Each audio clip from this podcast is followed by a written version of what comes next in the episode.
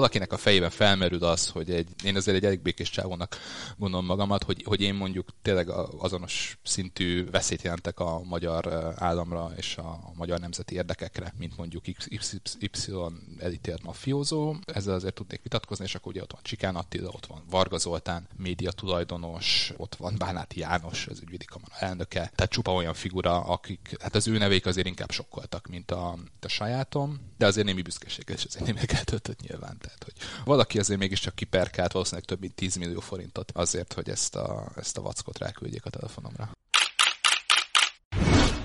Már korábban is kapott baráti figyelmeztetéseket arról, hogy megfigyelik. Áprilisban egy nemzetközi újságírócsapat kereste meg, hogy rajta van azon a listán, akiket a Pegasus izraeli kémfegyverrel hallgattak le. Vegyes érzelmekkel fogadta a hírt. Nem értette, hogy oknyomozó újságíróként hogy kerülhet elítélt az államra és a nemzetbiztonságra veszélyes súlyos bűnözők közé, de meg is könnyebbült, hogy az elmúlt években mégsem volt paranoiás, amikor a munkája miatt követték. Ez itt a Selfie, a Szabad Európa podcastja, Bátori Róbert vagyok. Az utóbbi évek egyik legnagyobb megfigyelési botrányát robbantotta ki egy nemzetközi oknyomozó újságírói hálózat, több magyar célszemély, köztük újságírók és az Orbán kormány kritikusai ellen is bevetettek egy izraeli kémfegyvert. Az újságírók között volt Panyi Szabolcsa, Direkt 36 oknyomozója is, akit a kémfegyverrel hónapokon át szintén megfigyeltek. Mostanában azzal kerültél be a hírekbe, hogy egy furcsa listán találtad magad, egy olyan listán, amelyen a világ vezetői is rajta voltak. Mi ez a lista? Hát köszönöm szépen ezt a bemutatást. Én igazából jobban örültem volna, hogyha azzal kerültem volna bele a hírekbe, hogy én is része voltam ennek a Pegasus projekt nevű oknyomozó csapatnak, amelyik hát azon dolgozott, hogy van egy 50 ezres lista, ami kiszivárgott az Amnesty International technikai csapatához, illetve a Párizsi székei Forbidden Stories nevű újságírói csapat csapathoz, és ezen az 50 ezres listán szerepel több mint 300 magyar telefonszám, köztük az enyém is, és hát ezek olyan telefonszámok, amiket valakik, és ezek a valakik, ezek minden esetben az NSO nevű izraeli cégnek valamiféle külföldi kliensei, kiválasztottak azért, hogy megfertőzzék a telefonjukat a Pegasus nevű kémprogrammal, ami gyakorlatilag mindent leszív a készülékedről hozzá tudnak férni a anyukád által küldött macskás videókhoz és az e-mailjéthez egyaránt. És valóban én is, tehát én is egy úgymond egy megfigyelés áldozata lettem Emmanuel Macrontól kezdve egy csomó nálam jóval fontosabb ember is szerepel a listán, és igazából a, a leg,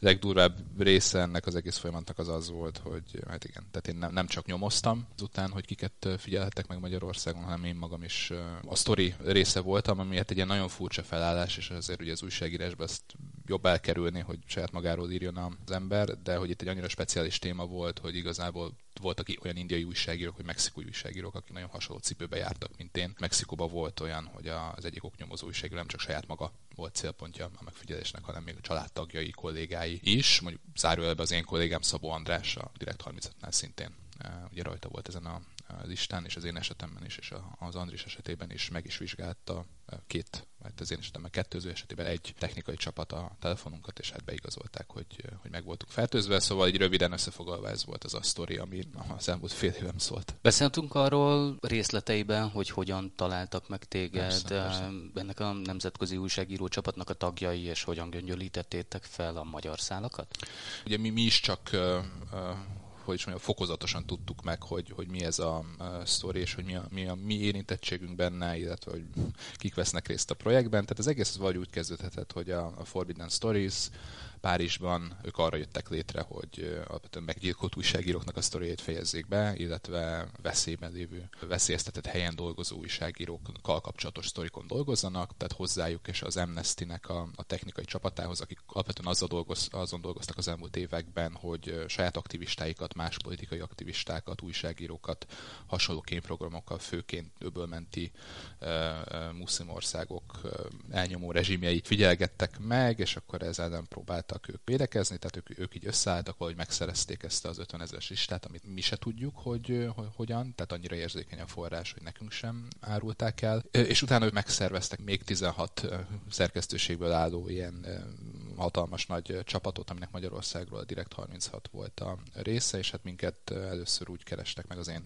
kollégámat, főnökömet, Pető Andrást, Frederik Obermeier az Üdvöcse Zeitungtól, aki tudólag ugye megtudtuk, hogy ő is része volt a projektnek. Ő elkezdett így számokat kérni az Andrástól, hogy akkor mondja már meg, hogy ez a szám ez ki, és akkor az András elmondta, hogy hát ez a Panyi Szabolcs kollégánk, és akkor még elkért pár más számot is, ugye most már megírtuk az ő sztoriát és akkor egy idő után a Frederik elmondta, hogy hát itt lenne egy sztori, és állítsunk fel egy biztonságos kommunikációs csatornát, és akkor azon beszéljünk erről, és hogy mindenképp érdekelni fog minket ez a történet, és dolgozzunk rajta együtt. Egy belvárosi hotelszobában kötelező Covid-tesztelés könnyek pacsik után beavattak minket a részletekbe, és akkor először megmutatták ezt a bizonyos adatbázist is, amiben ezek a telefonszámok szerepelnek, és hát, ja, hát ez kemény, kemény volt egyrészt néz, azt látni, hogy mennyi szám van benne, és hogy Csikán Attila nevére élesen emlékszem, hogy ez valót volt az én nevem körül, és hát azért ez így engem így eléggé meg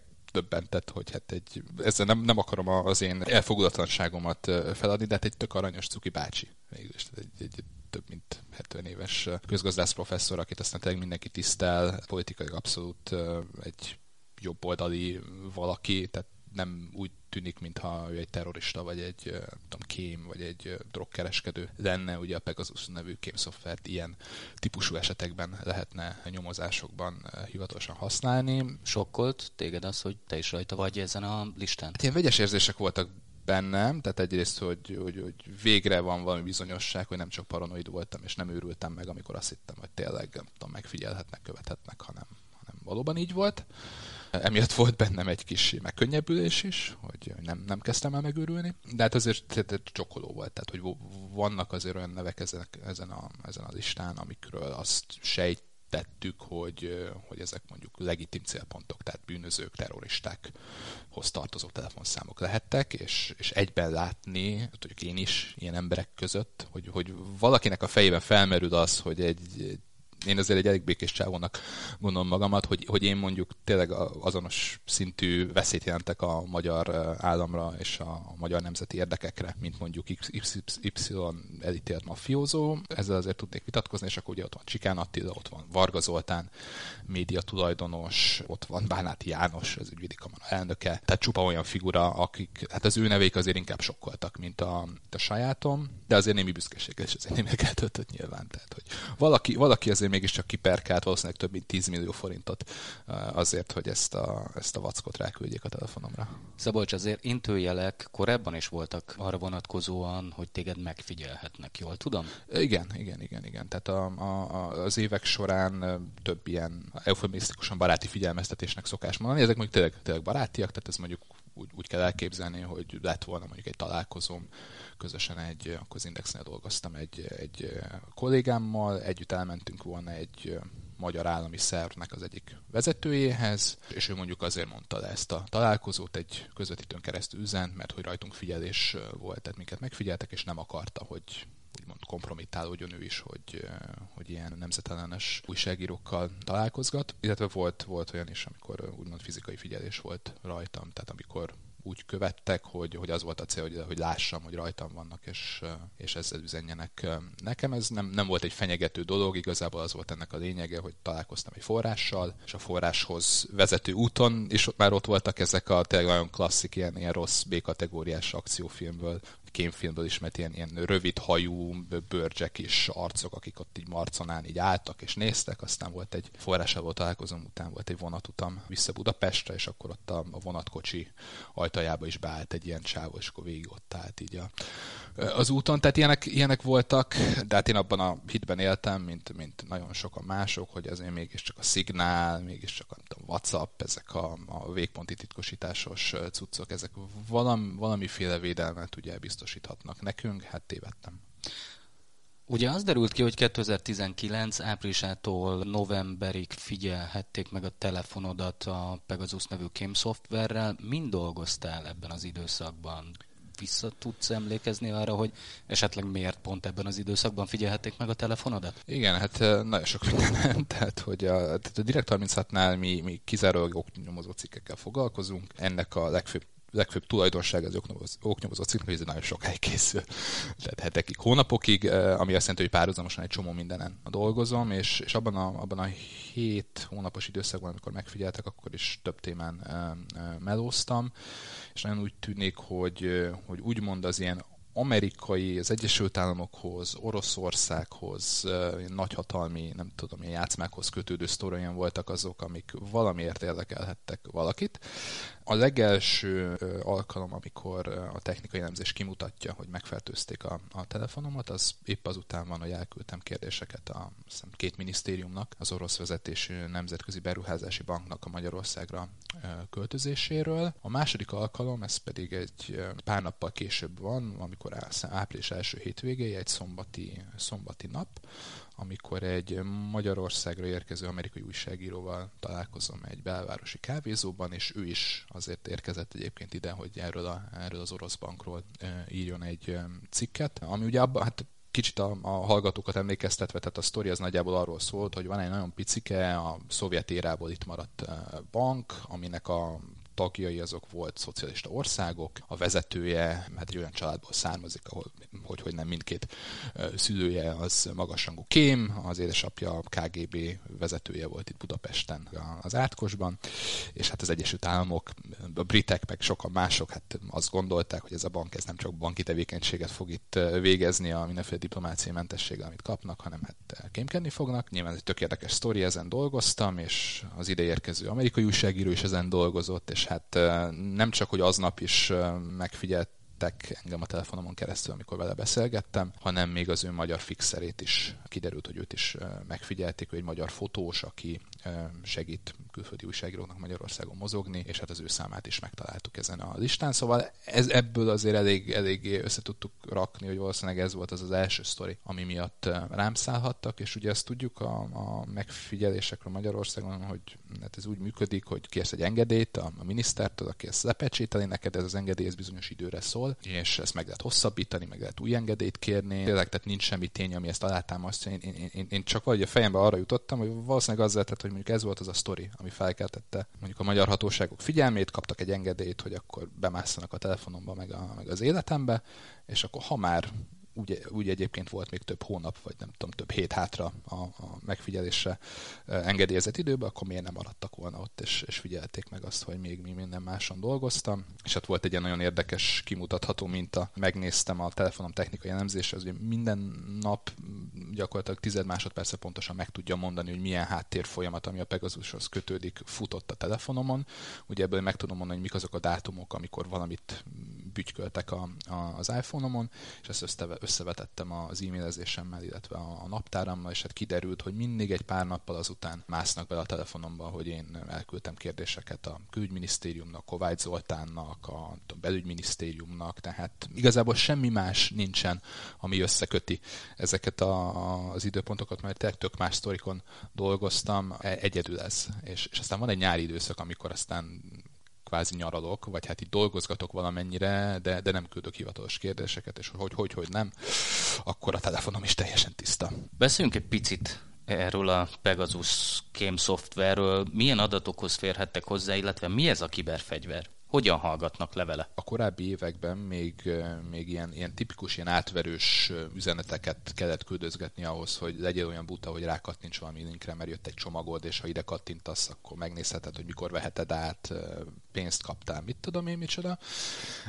De az utóbbi években a Pegasus fejlesztői már úgynevezett ilyen zero-click etekek támadásokra is alkalmasá tették a, a szoftvert, ami azt jelenti, hogy semmit nem kell csinálni a felhasználónak, a, a te bármiféle közreműködésed nélkül feltelepítik távolról a programot a készülékedre. A készülékedet az alapján azonosítják be, hogy, hogy a telefonszámod alapján, tehát a telefonszámodat beütik egy olyan rendszerbe, ami megmondja nekik, hogy be van-e kapcsolva a telefon, illetve hogy földrajzilag hol van. Olyan hiányosságokat használ ki a, a Pegasus a, a telefonodon, mint például az iMessage-nek, a FaceTime-nak, a Safari-nak, a WhatsApp-nak mindenféle ilyen hibái, amiről ezeknek a nagyon népszerű appoknak még a saját fejlesztői se tudnak. Betelepedik a telefonodra, és akkor onnantól kezdve távolról gyakorlatilag hozzáférnek mindenhez, ami a, a telefonodon van, és amit említettem, ugye, hogy én korábban bíztam mondjuk a szignálban, meg egyéb ilyen végponti titkosításos üzenetküldő applikációkban. Hát ez azért volt, mert én azt gondoltam, hogy hát, ha én nem engedem ki a, a telefont a, a kezemből, ami egyébként ritkán történik meg, tehát ha mondjuk az amerikai nagykövetségre, a brit nagykövetségre, az izraeli nagykövetségre, vagy más nagykövetségre kell bemenni, akkor ugye le kell tenni a telefont. Ez általában így, így ennek nem is szoktam annyira örülni, mert hát mit, mit csinálnak addig vele, azt én nem tudom. De én azt gondoltam, hogy én mindig ügyeltem rá, hogy nem adtam ki a kezembe a telefont, de ugye a Pegasus pont azt tudja csinálni, hogy ezeket a, a lyukokat, hibákat mondjuk az én esetemben a, az iMessage-en keresztül kihasználva gyakorlatilag megfertőzi a, a végpontot, és onnantól kezdve bármi, ami az én képernyőmön megjelenik, bármi, amit én beírok, azt, azt láthatják. És ami nagyon durva, hogy, hogy a mikrofonodat is be tudják kapcsolni távolról, illetve a kamerádat is, elég félelmetes azért, nem? Hát ennek ellenére azt láttam az előbb, hogy mégiscsak iPhone-od van, és nem buta telefonhoz, buta telefonra szoktál át. Most hogyan érnek el engem az emberek? Tehát hogyan, hogyan tudom a munkámat végezni újságíróként, vagy akár csak magánemberként a mai világban nem tudsz telefon nélkül boldogulni. Nyilván vannak olyan biztonsági intézkedéseket, amik, a, a, intézkedések, amiket én megtettem, tehát hogy, hogy jobban odafigyelek, hogy mit és hogyan használok, és nyilván ezeket most nem fogom elmondani, nem akarok tippeket adni azoknak, akik esetleg ezeket szeretnék kiátszani és belehallgatni az én beszélgetéseimbe, de nem, nem tudsz mit csinálni. Tehát amit tudsz csinálni, hogy azért nem mindenhol viszem magammal a telefonomat, tehát nem mindent tárolok a telefonomon. Korábban is azért odafigyeltem, hogy az igazán érzékeny információkat azokat személyesen találkozók során, parkokban, ahol még kamerák se láttak minket, ott beszéljük meg, és nem azért, mert illegális dolgokról beszélgettem volna, hanem mert védeni próbáltam a forrásaimat. Illetve ami, ami tényleg, tényleg izgi sztori, azt egy jegyzetfüzetbe, vagy sok jegyzetfüzetbe írom le, nem pedig a telefonomban tárolom. Igazából ezen csomót gondolkoztam, hogy ugye itt egy 50 ezeres listáról beszéltünk, ennyi embert figyeltek meg egy bizonyos időszakban, vagy választhattak ki megfigyelés célpontjának a X országban, köztük Magyarországon egy bizonyos 18, 2018-2019-ben. Tehát ez azért nem olyan sok ember a nem tudom hány milliárdos lakossághoz képest, ami a Földön van. Ez azért is van így, mert, mert nagyon drága ez a Pegasus nevű program. Említettem, hogy az én megfigyelésem, mások megfigyelés az valószínűleg ilyen 10-20 millió forintba kerülhet per fő, tehát hogy per kov ennyi bekerül az, hogy ráküldjék valakire ezt a programot. Ez ugye drága. Az a lista, amiben ti beletekinthettetek, az milyen időszakot ül el fel? Magyarország esetében arra jutottunk, hogy 2018 elejétől valamikor 19 közepéig találtunk számokat, tehát ezt az időszakot fedi le. Ezelőtt az időszak előtt Magyarország valószínűleg nem használta ezt a szoftvert. Mi arra jutottunk, hogy voltak olyan magas szintű találkozók az Orbán kormány és az akkori Benjamin Netanyahu vezette izrael kormány között, amik megelőzték, előkészítették a Pegasusnak a, a megvásárlását. Ugye ez egy olyan eszköz, ez egy katonai kiberfegyver végül is, és az izraeli védelmi minisztérium jóváhagyásával lehet csak eladni és hát több oknyomozó kolléga, aki külföldi lapoknak dolgozott, és nagyon jó NSO-s, meg egyéb forrásaik vannak, hát ők, ők így informálisan többen azt mondták nekik, hogy, hogy azért itt Netanyahu eléggé, hogy mondjam, személyesen belefolyt dolgokba, hogy kinek adhatják, és kinek nem el ezt a, ezt a szoftvert, annak ellenére, hogy a magáncégről, egy izraeli magáncégről van szó. Tehát ezt az időszakot öleli fel, de egyébként már, már jóval korábban más országokban használták a, a Pegasus-t, használják a, a, a mai napig, tehát um, több tucatnyi felhasználója van világszerte és Európában is.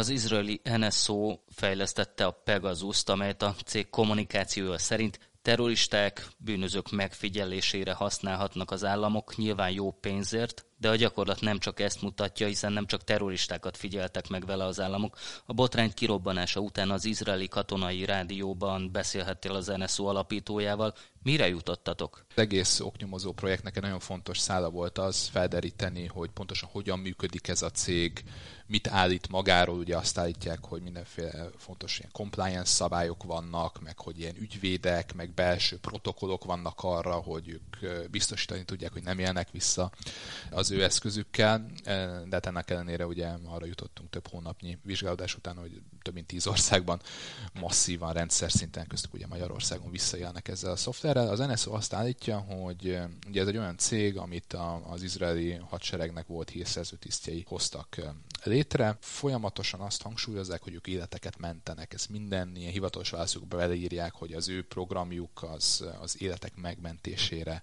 lett kitalálva. Ez alatt azt értik, hogy főként ugye terrorizmus ellenes nyomozásokba lehet használni, és nem tudom, mindig büszkekednek, hogy hány merényletet sikerült megakadályozni azzal, hogy, hogy a hatóságok használhatták ezt a szoftvert.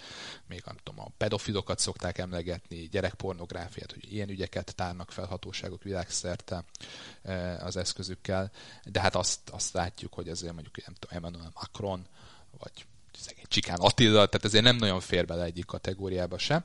És az NSO rendkívül ellentmondásosan kommunikál az a kapcsolatban, hogy ők pontosan mennyire látják azt, hogy az ő klienseik, akik csak külföldi kormányok és külföldi hatóságok lehetnek, ők mit csinálnak ezzel a, az eszközzel. Tehát egyszerre állítják azt, hogy nekik semmi közük ahhoz, hogy hogyan használják a, a kliensek az ő programjukat, ők nem látják, hogy kik a célpontok, de ha ők kapnak utólag olyan információt, hogy esetleg visszajeltek vele, akkor ők valamilyen vizsgálatot át tudnak folytatni, kérik a klienst, hogy adjon információt nekik, és ha igazolják azt, hogy visszajeltek a programmal, akkor többé nem biztosítanak hozzáférést a rendszer használatához az azzal visszaélő kliens országnak. De ezzel párhuzamosan egy csomó esetben gyakorlatilag az volt a válaszuk a mi kérdéseinkre és mások kérdésre, hogy nem, ő nem szerepel a célpontok között. Nem, Macron biztosan nem. Nem, biztosan nem. De honnan tudod? Teljesen saját magának ellentmond az NSO. Nagyon valószínűleg arról van szó, és, és itt megint csak hangsúlyoznám, hogy ez az én, én elméletem, de ugye ez több, több cikkben is névtelen források, illetve más, más források erről beszélnek, hogy hát azért nem véletlen, hogy ez az 50 ezeres lista, ebben rengeteg telefonszám van, és ugye ez valószínűleg valahol valaki ezt tárolta, és élünk a gyanúperrel, hogy mondjuk más információ is keletkezett, amihez szintén hozzáférhettek a cégnél. Úgyhogy, úgyhogy rendkívül érdekes száll az egész sztorinak, és szerintem ebben az irányba is érdemes kapizsgálni, és magyar, magyar cikkek és HVG-n is jelent meg cikk erről, hogy hát nem arról van ez szó esetleg, hogy mondjuk magyar állampolgárokról, és köztük ugye írtunk a Szódi Attila volt államtitkáról, Weingartner Balázs volt államtitkáról az Orbán kormány saját embereiről, hogy hát róluk keletkezett titkosszolgálati információk, azok mondjuk Izraelben landoltak, ami hát elég durva kérdéseket vet fel, és minden normális országban komoly nyomozásnak kellene indulnia, hogy, hogy hát vajon kikémkedhetett ellenük, és kerülhetette ki információ tényleg a magyar kormány vezetőiről egy külföldi országba. Nálunk valamiért a magyar hatóságok ezt nem annyira forszírozzák. Amikor kijöttetek a cikkel, kijöttél a cikkel, akkor mire számítottál? Milyen következményekre? Hát ez egy jó kérdés. Tehát, a, az én, tehát kicsit személyesen az én fejemben, ugye onnantól kezdve, hogy én magam is célpontja voltam a Pegasusnak, ennek ellenére a, a német meg a francia kollégák ragaszkodtak hozzá, én is vegyek részt a nyomozásban. Én, én végig, a, végig azon paráztam, hogy nehogy én buktassam be az egész projektet, hogy hiába konspirálunk meg minden, de hogyha még mindig engem megfigyelnek, és egyszer rossz helyen lépek be valamibe, akkor bedől az egész, mert a, az NSO is, meg a magyar kormány is, meg más is meg tudja, hogy mind dolgozunk. Tehát amikor megjelent az egész, akkor, akkor borzasztóan felélegeztem, hogy sikerült, és, és nem, nem kurtam el. Hát arra számítottam, hogy ez egy baromi nagy botrány lesz világszinten, és, és az is lett, és igazából előre beszéltük is a Pető Andrással, meg másokkal, hogy mi lesz majd a kormány reakciója, igazából két-három forgatókönyvet tudtunk felvázolni, és hát pont az jött be, amit gondoltunk, ugye. Tagadás, Soros György, nincs itt semmi látnivaló, stb. Hát volt egy másik sztori eh, korábban ebben az évben, a, a Fudán Egyetemnek a beruházásával kapcsolatos történet, és hasonló ismétlődött meg, tehát az első héten ilyen kommunikációs zavar volt a, a kormány részéről, egymásnak ellentmondó dolgokat kezdtek el kommunikálni, majd lassan szépen egy irányba állt minden kormányzati szereplő, és gyakorlatilag azóta se tagadják, hogy ők megvásárolták volna Pegazust, és azt használnak akár, akár személy szerint ellenem, hanem olyan dolgokat mondanak, mint hogy minden országnak szüksége van ilyen eszközökre, nem a szakmája miatt figyelünk meg valakit, hanem mert a magyar, magyar nem tudom, állam vagy nemzet érdekeire veszélyt jelenthet, és gyanús személy. Szóval nagyjából, nagyjából ezek bejöttek. Egyébként azon én nem csodálkozom, hogy, hogy, hogy, hogy úgymond túllépett rajta, tehát én azt látom, hogy túllépett rajta pár hét után a, a magyar közvélemény, általában a hasonló botrányoknál ez szokott lenni. Én nagyon régóta ilyen nemzetbiztonsági jellegű témákkal foglalkozom, és hát én pontosan tudom, hogy ezek egy elég szűk kört érdekelnek csak, tehát azért ez nem egy olyan sztori, ami, ami így hónapokig tudná érdekelni a, a, az átlagembert. Tehát, bocs, tehát azt mondod, hogy a magyar társadalom a szocialista rendszer, lehallgatási botrányok, stb. után, 20 év konszolidáció után belefutunk egy 11 éves Orbán, Orbán kormányba, ezek után már immunisak arra, hogy ők nem, nem, nem, nem. Az e fajta botrányokra? Nem, nem, nem. Én, én, én azt mondom minden botrányra, tehát hogy, hogy, hogy egyszerűen már annyi, annyi sok mindent felgyűlem lett itt, és tényleg hetente jönnek az újabb sztorik, hogy, hogy igazából ezen, ezen túl, tehát a, a hírciklus ezen túllép, és pont azt akartam mondani egyébként, hogy szerintem tehát ez a sztori azért itt fog maradni, és ez vissza fog térni. Több okból, és az egyik pont, amit említettél, hogy, hogy ehhez azért, ezzel nagyon sokan tudnak kapcsolódni személyesen. Mindenki, akinek van mobiltelefonja, a, és a mindenkinek egy jó része az személyesen is írt nekem, hogy nézzem már meg, légy szíves, hogy rajta van a listán. Nagyon sok, sokakban most tudatosodott az, hogy, hogy valóban a magyar állam is képes lehet arra, hogy, hogy, hogy a, bárkinek a mobiltelefonját azt e, megfigyelje, de hallgassa. A másik, hogy az idősebb generáció pedig nyilvánvalóan, ahogy említetted, nekik pedig személyes élményük van az ifjúkorokból arról, hogy valamikor egy nagyon hasonló rendszer működött, csak akkor mondjuk nem tudom, több tízezer vagy több százezer besugót kellett alkalmazni, mert nem volt még a technikai fejlettség ezen a szinten. Szóval szerintem azért ez így ott, ott fog maradni az emberekben, illetve hát nemzetközi szinten is ugye itt nyomozások elindultak. Tehát Izraelben van egy vizsgálat, egyrészt maga a cég azt állítja, és ugye említetted ezt az interjút, amikor kérdezhettem az NSO alapítóját, vezetőjét, azt kérdeztem tőle, hogy hát Magyarországon, Magyarország kliense nekik még, illetve mit tesznek az ellen, hogy következik a magyar választási kampány, hogy esetleg mondjuk tudom, a választásokat is, tehát a kampányt is befolyásolják azzal, hogy ellenzéki figurákra rádolgoznak, és az volt a válasz, hogy hát ha valóban az van, amit én elmondtam a saját sztorimnak, akkor az felháborító és elfogadhatatlan, és utána fognak nézni. Köszi szépen. Nem lehet ezt azért visszazárni ezt a szellemet a, a palackba, illetve Pető András kollégámmal még azért dolgozunk ezen a történeten, és hát lehet, hogy még ez az ki fog derülni a következő időszakban. Úgyhogy mi minden tőlünk telhetőt megteszünk azért, hogy, hogy ne felejtsék el az emberek, hogy ez a sztori itt van. A botrány kirobbanásáig csak nem, ha jól tudom, akkor ezer megfigyelést engedélyeztek az igazságügyi minisztériumban, tavaly pedig 1200 körül itt. És ugye Varga Judit igazságügyi miniszter azt mondta, hogy nem ő, hanem Völner Pál államtitkár írja alá ezeket a megfigyelési jóváhagyásokat. Hazudott a miniszterasszony, vagy sem? um, fogalmam sincs. Bármilyen politikus esetében élek a, a, a, a gyanúval, hogy nem mond igazat, de nem akarom hazugsággal vádolni Varga Judit. Azt tudom, hogy törvény szerint ez a miniszternek a feladata. Tehát az most, hogy, hogy most a portásra bízza rá, vagy a titkárnőjére, vagy, vagy szegény Völner pára, akire én még azt hittem, hogy ő valami közlekedési államtitkár volt, és ilyen BK, BKV buszokkal, meg volán buszokkal pózolt. Most tehát megtudtuk, hogy ő ért a titkos megfigyelések elbírálásához, és mindegy. Um, szóval ez a miniszterpolitikai felelőssége. Tehát ez a ő nehezen tudja magát kihúzni. Nekem, nekem Varga Judit reakció volt a legérdekesebb. Tehát ő ugye rögtön elkezdett egyrészt Pintér Sándorra mutogatni, hogy, hogy őt ilyen kérdésekkel ne vegzálják, mert hát megfigyelés az a belügyminisztérium, másrészt a saját beosztottjára. Hát ez nagyon furcsa, és nekem hát kormány kormányzati forrásai mondták azt, hogy hát ez nem egy, nem egy rokon szemves, nem, nem egy vezetői vezető, vezetőtől elválható magatartás, hogy akkor rögtön feldobom a nem tudom melyik beosztottamat, hogy, hogy tessék, akkor ott, a, ott az újságíró kérdezze őt. Az biztos, hogy, hogy nagyon, nagyon magas ez a szám. Tehát, és ez az, ez, a, ez az emelkedés, ami látszik, ugye ez a 168 óra kért ki adatokat, és már ők kimutatták azt, már, a neki kiadott közérdek adatokból kellett mutatni, hogy elindult egy, egy folyamatos emelkedés az elmúlt években a, a igazságügyminiszter által engedélyezett nemzetbiztonsági célú titkos megfigyelésekben. És ugye ezen felül pedig vannak azok a megfigyelések, amiket bíró engedélyez. Ez, ez pár százas talán ez a szám, tehát ez kisebb, ezek ugye általában a köztörvényes ügyek nyomozásokban, mit tudom én, drogkereskedők elleni titkos megfigyeléseket hagynak jóvá. Tehát azt látjuk, hogy valamilyen magyar kormány úgy gondolja, hogy egyre több állampolgárát kell megfigyelnie.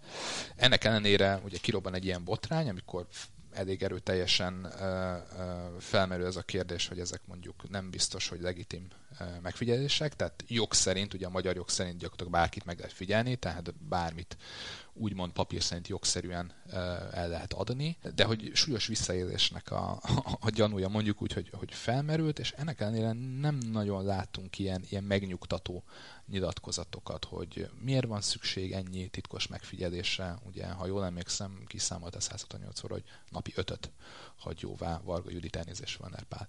Miért? Kik ezek az emberek? Vannak-e köztük újságírók, ellenzéki politikusok? Tehát uh, itt egy csomó, csomó kérdés van. Még ezt szeretnék emlékeztetni, hogy ez a, ez a ez a lista, vagy ez az adatbázis, amiből mi dolgoztunk. Ez 2018 elejétől 2019 közepéig fedett le egy időszakot. Hogy mi történt 2019 közepe óta, Pegasusos megfigyelés, arról ez az adatbázis nem tartalmaz információkat, ahogy arról sem, hogy más eszközökkel, amiket nem Pegasusnak hívnak, hanem másnak, akár csak egyszerű telefonlehallgatás, hogy, hogy ilyen eszközöket hány ember ellen és kik ellen vetettek be, ezekről semmit nem tudunk. Pintér Sándor belügyminiszter újságírói kérdésre ugye azt válaszolta, hogy már az is törvénysértést követel, aki kérdez a Pegasusról, ez azért sok mindent sejtett, nem? Pintér Sándor egy, egy rendkívül okos ember, azt jegyezzük meg, hogy ő az egyetlen olyan minisztere az Orbán kormánynak, aki az első naptól kezdve a mai napig folyamatosan betölti ugyanazt a pozíciót. Nem volt más belügyminiszter az Orbán kormánynak, csak Pintér Sándor.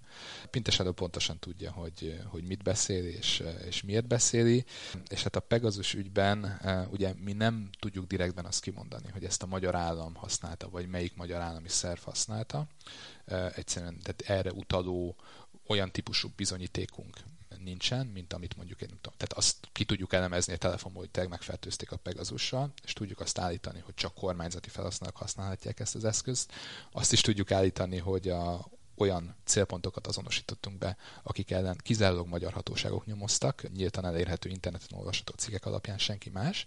Minden, minden körülmény arra mutat, hogy a magyar kormány és magyar állami szervek figyeltek meg embereket a Pegasussal, de ugye mi próbálunk komoly oknyomozó újságírás folytatni, és ennek ellenére nem tudjuk azt mondani, hogy direktben ezt, ezt a magyar állam használta. Viszont ha a magyar állam használta, akkor elég véges számú azoknak a szervezeteknek a száma, amiknek ehhez közeledett, és, és jó része ezeknek a szervezeteknek a belügyminisztérium és Pintér Sándor irányítása és felügyelete tartozik. Én a Nemzetbiztonsági Szakszolgálat, a magyar NSA, ugye, ahogy szokták néha mondani, csak ugye kisebb és savanyúbb, amelyik a technikai lehallgatásokért, megfigyelésekért felel, ilyen az Alkotmányvédelmi Hivatal, a belső elhárítás, a Nemzeti Védelmi Szolgálat, illetve ilyen a terrorelhárítási központ is. Pintér Sándornak van valószínűleg a legtöbb információja arról, hogy a Pegazussal Magyarországon pontosan mi történt, ha történt, kik használták ezt, kinek a felhatalmazásával.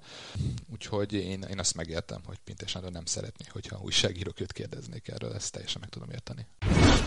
Ez volt a Selfie, a Szabad Európa podcastja. Bátori Robertet hallották. Köszönöm figyelmüket.